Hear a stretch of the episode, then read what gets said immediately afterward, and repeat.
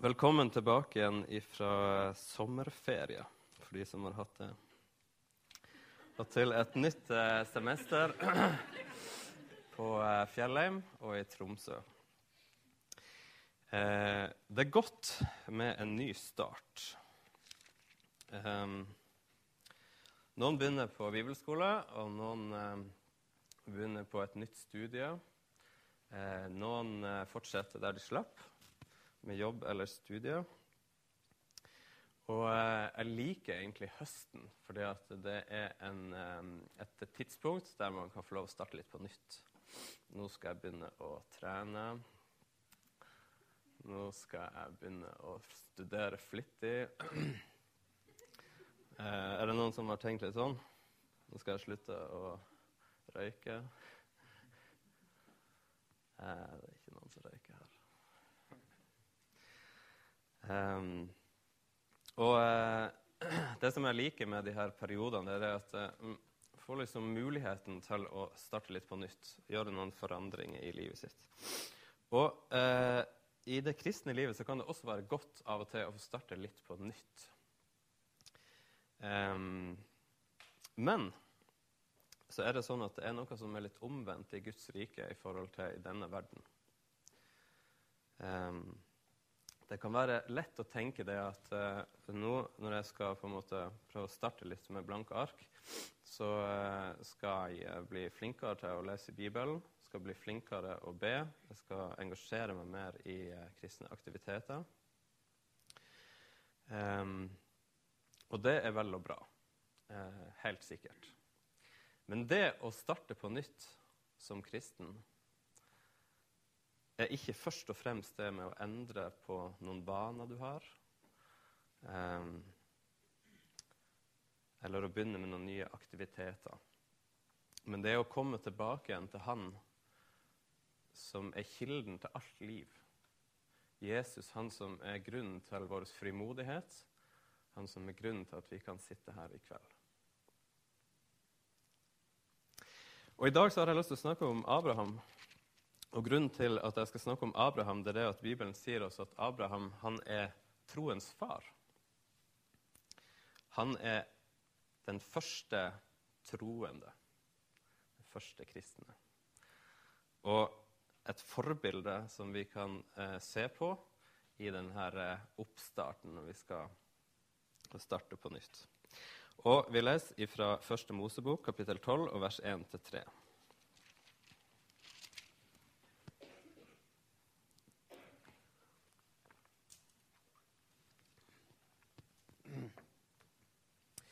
Herren sa til Abraham, eller Abraham kommer til å si litt forskjellig. Han får et nytt navn etter hvert, Abraham, men i begynnelsen het han Abraham. Herren sa til Abraham, Dra bort fra landet ditt og fra slekten din og fra farshuset ditt til det landet som jeg vil vise deg. Jeg vil gjøre deg til et stort folk. Jeg vil velsigne deg og gjøre navnet ditt stort.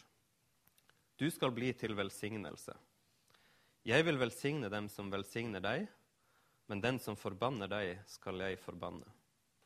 Og i deg skal alle slekter på jorden velsignes. Abraham og familien hans kjente ikke Gud. De kjente ikke til Gud. Kan du forestille deg det? At du glemmer alt du har hørt. Alt du kan. Ingen bibel, ingen bud, ingen kunnskap. Du vet ingenting. Bibelen forteller oss at Abraham og familien hans tilba ulike guder. Og Kanskje de hadde hørt historien om, om en skapelse, kanskje de hadde hørt historien om eh, den store flommen, som det gikk rykte om i mange år, mange hundre år etter. Men himmelens gud hadde enda ikke åpenbart seg for Abraham. Og så vil jeg at du skal legge merke til hva er det første Gud møter Abraham med. For det er også det første som Gud vil møte oss med. Jeg skulle tro at når Gud eh, møtte Abraham for første gang, så ville han komme eh, med noen krav. Eh, Abraham, du er nødt til å ta et oppgjør med livet ditt. Slutt å tilbe de andre gudene. Ikke ha flere enn ei kone. Eh, pass deg for det. Hold deg unna det. Og så videre. Og så lurer jeg på er det sånn du ser på Gud? Er det det bildet du har av Gud, som først og fremst kommer for å kreve? Som først og fremst kommer for å kreve noe av deg? Da må du legge merke til det her. Gud møter ikke Abraham med et krav, men han møter han med et løfte. Et løfte og en invitasjon til å handle på dette løftet. Reis. Og det lærer oss noe viktig om Guds hjertelag, nemlig at han er den som gir, først og fremst. Og han gir ikke med baktanker eller etter fortjeneste, sånn som vi ofte gjør, eller nesten alltid gjør. Han gir fordi at han er den store giveren. Og Bibelen sier det sånn all god gave og all fullkommen gave kommer ovenfra, fra Han som er himmellysenes far. Hos ham er det ingen forandring eller skiftende skygge. Og Jesus sier det sånn Når selv dere som er ond, vet å gi barna deres gode gaver, hvor mye mer skal da ikke deres far i himmelen gi gode gaver til den som ber ham? Guds løfte til Abraham var veldig konkret. Eh, Sarai, kona til Abraham, hun var barnløs og kunne ikke få unger. Og eh, i dag eh, det her vet jeg fordi at jeg har lest på i sommer, så ville vi ha sendt Abraham og Sara på en eh, infertilitetsklinikk. Eh, der man hadde gjort noen utredninger for å finne ut hvorfor det var sånn. Kanskje de hadde fått eh, prøvd prøverørsbefruktning og litt sånn. Men det hadde de ikke på denne tida, altså. Og i Sara sin situasjon så ser vi det at barnløsheten ikke var tilfeldig.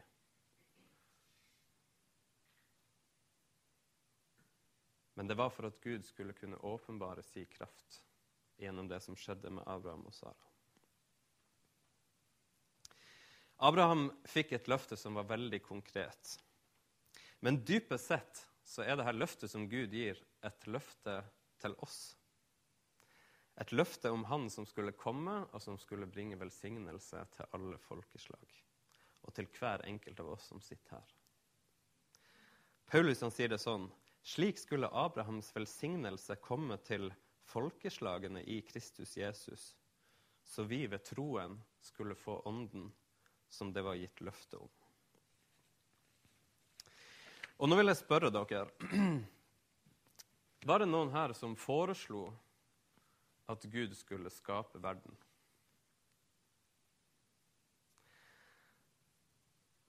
Var det noen som satt sammen med Gud i rådet hans når han bestemte at akkurat du skulle få livet? Var det noen her som ba Gud på forhånd om at han skulle sende en frelser for å forsone oss med seg sjøl. Det er kanskje dumme spørsmål, men tenk igjennom hvem er det som er initiativtaker her? Hvem er det som er den store giveren?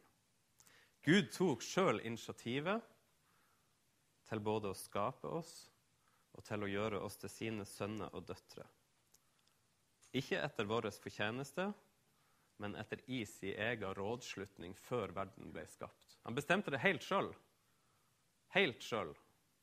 Ingen av oss var med der for å påvirke. Han ga.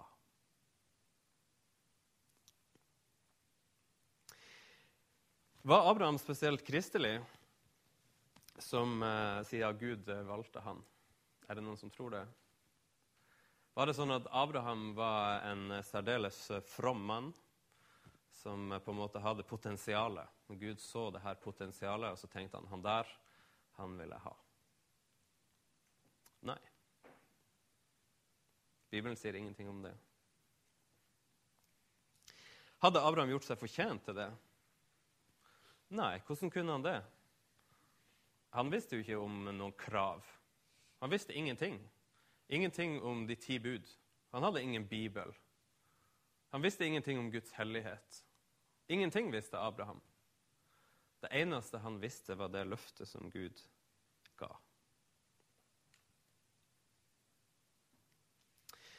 Abraham var fra en plass som heter Ur i Kaldea. Og Arkeologene sier at Ur det var en, eh, et bysentrum på denne tida.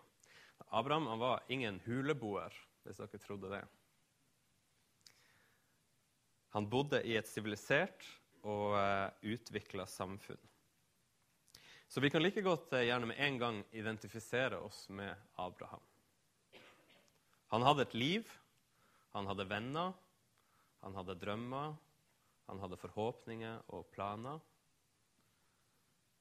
Han satt ikke bare på en stein i ørkenen med stokken sin og venta på at noe spennende skulle skje, sånn som de ser på de bildene i, i barnebiblene. Å bryte opp i tillit til Guds løfte var like vanskelig og like usikkert som det vil være for oss i dag. Men så er det noe spesielt med Abraham. Han er så hengiven. Han liksom Han reiser bare. Kanskje han eh, har litt eventyrlyst. Det er jo ikke feil. Men først og fremst så stoler han på at Gud vil ta seg av ham. Og så sier hebreerbrevet det sånn I tro var Abraham lydig da han ble kalt, så han dro ut til et land som han skulle få i arv. Han dro av sted uten å vite hvor han kom.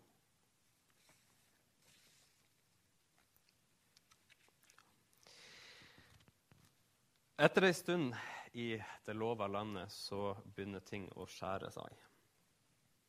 Det blir eh, en hungersnød, eh, som betyr at det var lite mat, ingen mat. Eh, og Abraham han tar med seg kona si og familien og reiser til Egypt.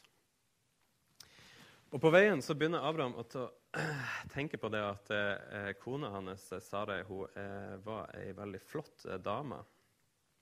Og kanskje egypterne kan komme til å ta livet av meg for å få henne.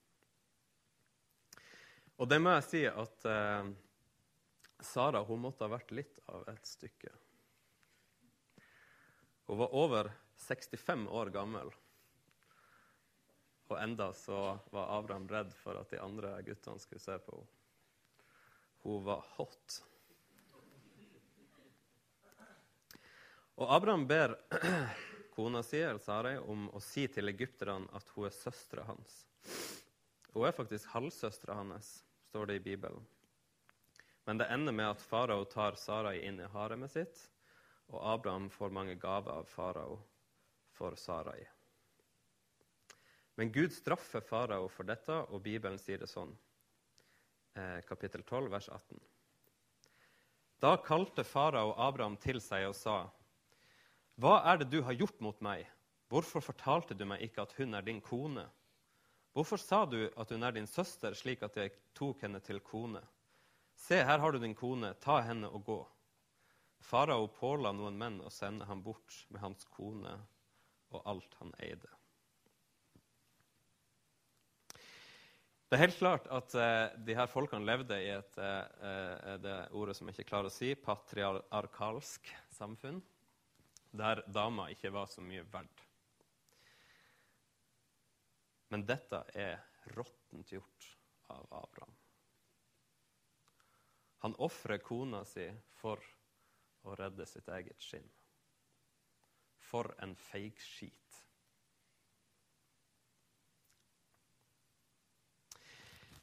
Noen ganger er det lett for oss å tenke det at Gud han bruker mennesker som har et potensial. Som har liksom Selv om de ikke er kristne, så er de så snille at du skulle tro at de var kristne. Har dere tenkt sånn? Folk som er gode og hellige og perfekte og alt det der. Hvis jeg bare hadde vært litt flinkere å snakke for meg, hvis jeg hadde vært litt disipliner mer disiplinert til å lese i Bibelen, hvis jeg bare hadde ikke hadde problemer med den der synda som er så vanskelig å holde seg unna Hvis jeg, hvis jeg Da kunne det kanskje blitt noe. Men Bibelen viser oss gang på gang at Gud han bruker mennesker som er langt ifra perfekt. Adam var ulydig, Noah drakk seg full, Abraham var en feig skit, Moses var en morder, David lå med kona til kompisen og fikk han drept. Peter banna på at han ikke kjente Jesus. Paulus han drepte de kristne. Og så videre og så videre. En dag gikk Jesus forbi en toller i byporten som heter Levi. Og Jesus sa til ham, 'Følg meg.' Og han reiste seg, forlot alt og fulgte ham. Levi holdt et stort selskap for ham hjemme hos seg, og en del, hel del tollere og andre var sammen med dem til bords. Fariseerne og de skriftlærde blant dem murret og sa til disiplene.: Hvorfor spiser dere og drikker dere sammen med tollere og syndere? Men Jesus svarte dem, det er ikke de friske som trenger lege, men de syke. Jeg er ikke kommet for å kalle rettferdige, men syndere til omvendelse. Kanskje du har gjort noen skikkelig skitne ting. Noen ting som gjør at du gremmes over deg sjøl. Og som gjør at du så vidt har frimodighet til å møte opp her i kveld. Husk det at Jesus han kom ikke for de som fikk det til, men for de som svikta. Og sånn som Gud rydda opp i Abraham sin idiotiske oppførsel, så kan Jesus ikke bare tilgi og rense deg for det du har gjort. Men han kan også få rydde opp i kaoset etter deg og lege de sårene som syndet har skapt. Herren er nær hos dem som har et nedbrutt hjerte. Han frelser dem som har en knust ånd.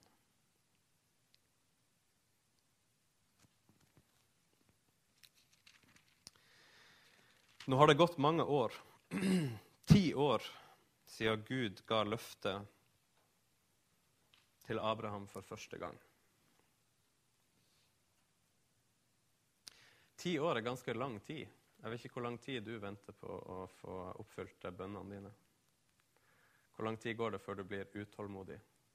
Jeg har sånn gjennomsnittstid på fem minutter. Abraham og Sara begynner å bli gamle, og de begynner å bli mismodige. Og Vi leser i kapittel 15, vers 1-6. Etter at dette hadde hendt, kom Herrens ord til Abraham i et syn. Vær ikke redd, Abraham, jeg er ditt skjold. Lønnen din skal bli stor.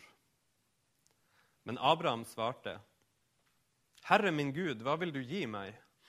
Jeg går jo barnløs bort, og Elieser fra Damaskus er arving til mitt hus. Og Abraham sa, Du har ikke gitt meg etterkommere, se, en av husfolkene mine skal arve meg. Da kom Herrens ord til ham. Han skal ikke arve deg, men en av ditt eget kjøtt og blod skal arve deg. Så førte han Abraham ut og sa til ham, Se opp mot himmelen og tell stjernene om du kan.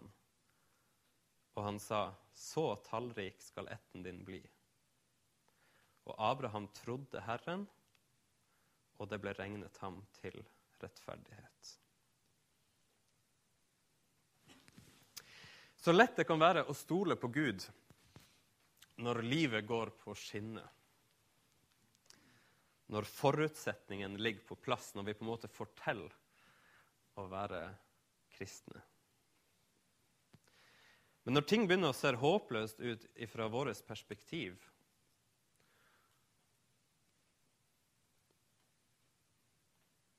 Når synda begynner å røre seg på innsida, og kanskje også på utsida, og livet vender seg imot oss, da blir det plutselig vanskelig å tro også at Gud kan gjøre noe. Kjenner du til hvordan mismodigheten og tvilen kan snike seg inn? Mon tro om Gud hører meg når jeg ber? Mon tro om Gud bryr seg om meg, at han vil holde løftene sine? Kanskje han ikke bryr seg om meg likevel. Og Abraham han utøser all sin sorg og fortvilelse for Guds ansikt. Akkurat sånn som det er. Og det har jeg lært, og det har jeg tro på. Usensurert bønn. Fri for alle slags floskler og fromhet og uh, uærlighet. For jeg mener, Ofte så holder vi sånn tilbake. Jeg kjenner det i mitt eget liv. Jeg kan liksom holde tilbake når jeg skal be. Mm. Ja, kanskje fordi at jeg tenker at Gud vil at jeg skal på en måte være høflig med ham. Eller at Gud eh, forventer at jeg skal være from og litt sånn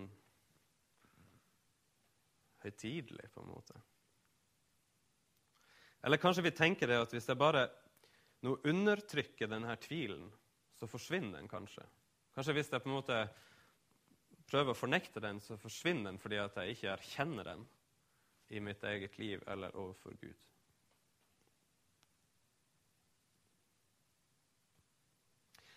Og så står det noe spesielt i Bibelen. For selv om Abraham utøser all sin tvil og motløshet for Gud, så sier likevel Bibelen det her om ham. Han var nesten 100 år men ble likevel ikke svak i troen da han tenkte på sin egen kraftløse kropp og på Saras døde mors liv. Han var ikke vantro og tvilte ikke på Guds løfte, men ble sterk i troen og ga Gud ære.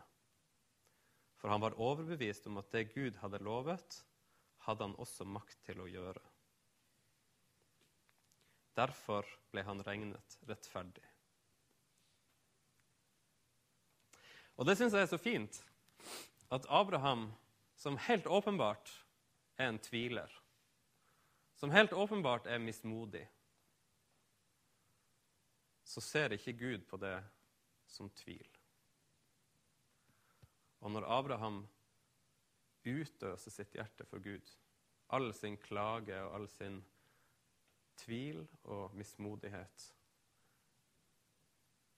så svarer Gud ham med å fornye løftet på en sånn måte at Abraham kan tro det.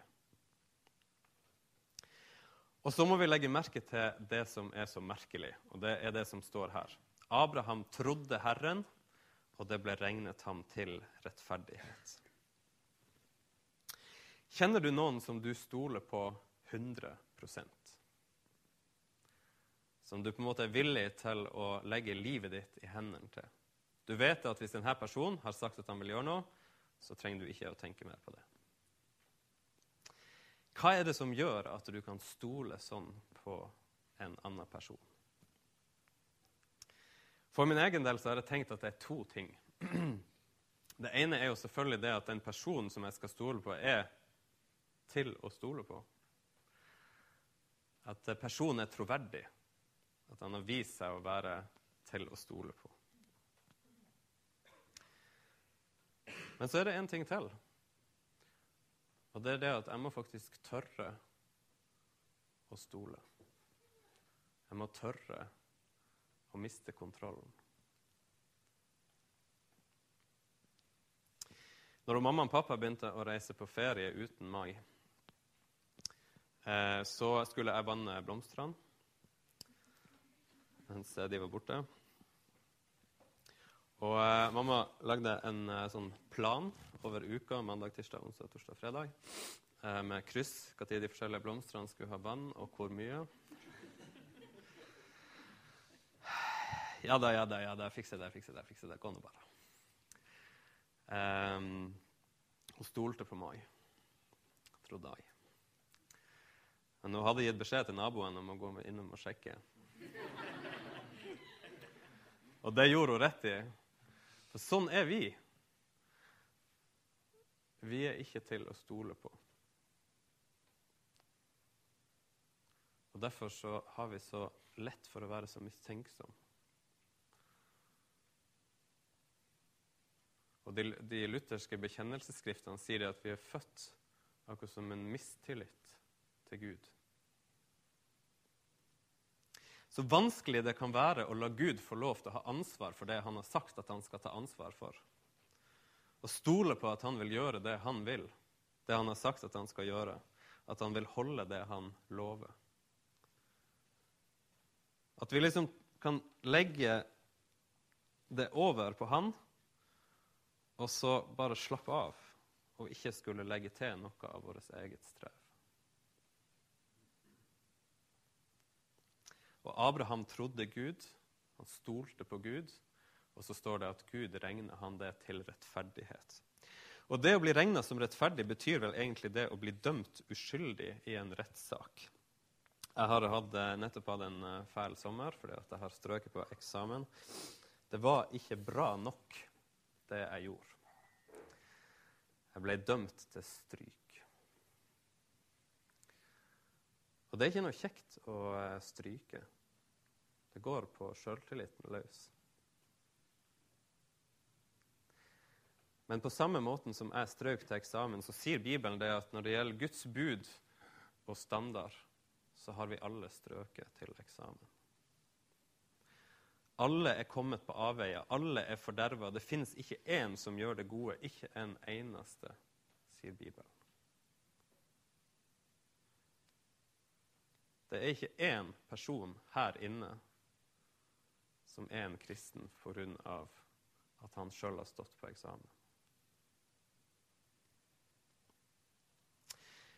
Tenk deg nå at en i klassen min kommer bort like etter eksamen og så sier han, vet du hva, Kristian, jeg har stått på eksamen.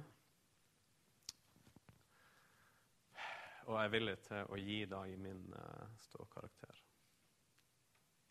Og så kan jeg ta ditt stryk og ta konsekvensene for det. Vet du hva? Jeg vet ikke om jeg ville takka ja. For på en måte det går på min egen integritet. Jeg vil klare det sjøl. Jeg vil ikke ha noen andre sine gaver. Noe som uh, en taper. Jeg vil fortjene sjøl. Men akkurat det er det Jesus har gjort. Han har sagt, 'Du skal få min ståkarakter.' Så tar jeg på meg ditt stryk, og så tar jeg alle konsekvensene av det. Jeg tar på meg de synd. Ikke bare, ikke bare straffa for den, men jeg tar på meg fysisk det som du har gjort. Det har jeg nå gjort. Alt det som du skylder her, er det noe som skylder. Alle konsekvensene som du måtte ha båret for det som du har gjort, ligger nå på meg. Og så går han opp på korset, og så tar han konsekvensen for ditt stryk. Og så får du hans fullkomne, rene, perfekte ståkarakter tilbake. Og så er spørsmålet tør du å tro det. Tør du å ta det inn over deg? Tør du å legge hele ditt liv i det? Og hør hva Bibelen sier om Abraham. Men Skriften sier ikke dette bare for hans skyld. Det gjelder også for oss. Vi skal bli regnet som rettferdige når vi tror på ham som reiste Jesus, vår Herre, opp fra de døde. Han som ble overgitt til døden for våre synder og ble oppreist for at vi skulle bli rettferdige. Og Jeg vil bare presisere en gang til at Gud han har aldri gitt budene og loven for at vi skulle bli frelst ved de. Bibelen sier at loven kom for at synda skulle bli stor. Men der synda ble stor, ble nåden enda større. Abraham kjente ikke til noen bud. Ingenting. Ikke en bibel, ikke bud, ingen menneskelige lover og regler. Kun et løfte. Og så tok han det løftet. Og Abraham og Sara var 190 år gammel, altså 100 år på Abraham og 90 år på Sarai, før de fikk oppfylt løftet. De var blitt gamle, og biologisk sett så var de ute av stand til å få barn sjøl. Og kanskje det er en hemmelighet i kristenlivet at først når vi har kjempa fra oss med våre egne prestasjoner og vår egen innsats, når vi har mista troa på at vi sjøl kan prestere å være kristne, da begynner Jesu kraft å virke i livene våre. Min nåde er nok for deg, for kraften fullendes i svakhet sier Paulus. Derfor vil jeg helst være stolt av mine svakheter, for at Kristi kraft kan ta bolig i meg. Og så sier han en annen plass til slutt. For Jesus skyld har jeg tapt alt. Jeg regner alt som tap. Jeg regner det som verdiløst skrap. Bare jeg kan få vinne Kristus og bli funnet i ham. Ikke med min egen rettferdighet, den som loven gir, men med den rettferdigheten jeg får ved troen på Kristus.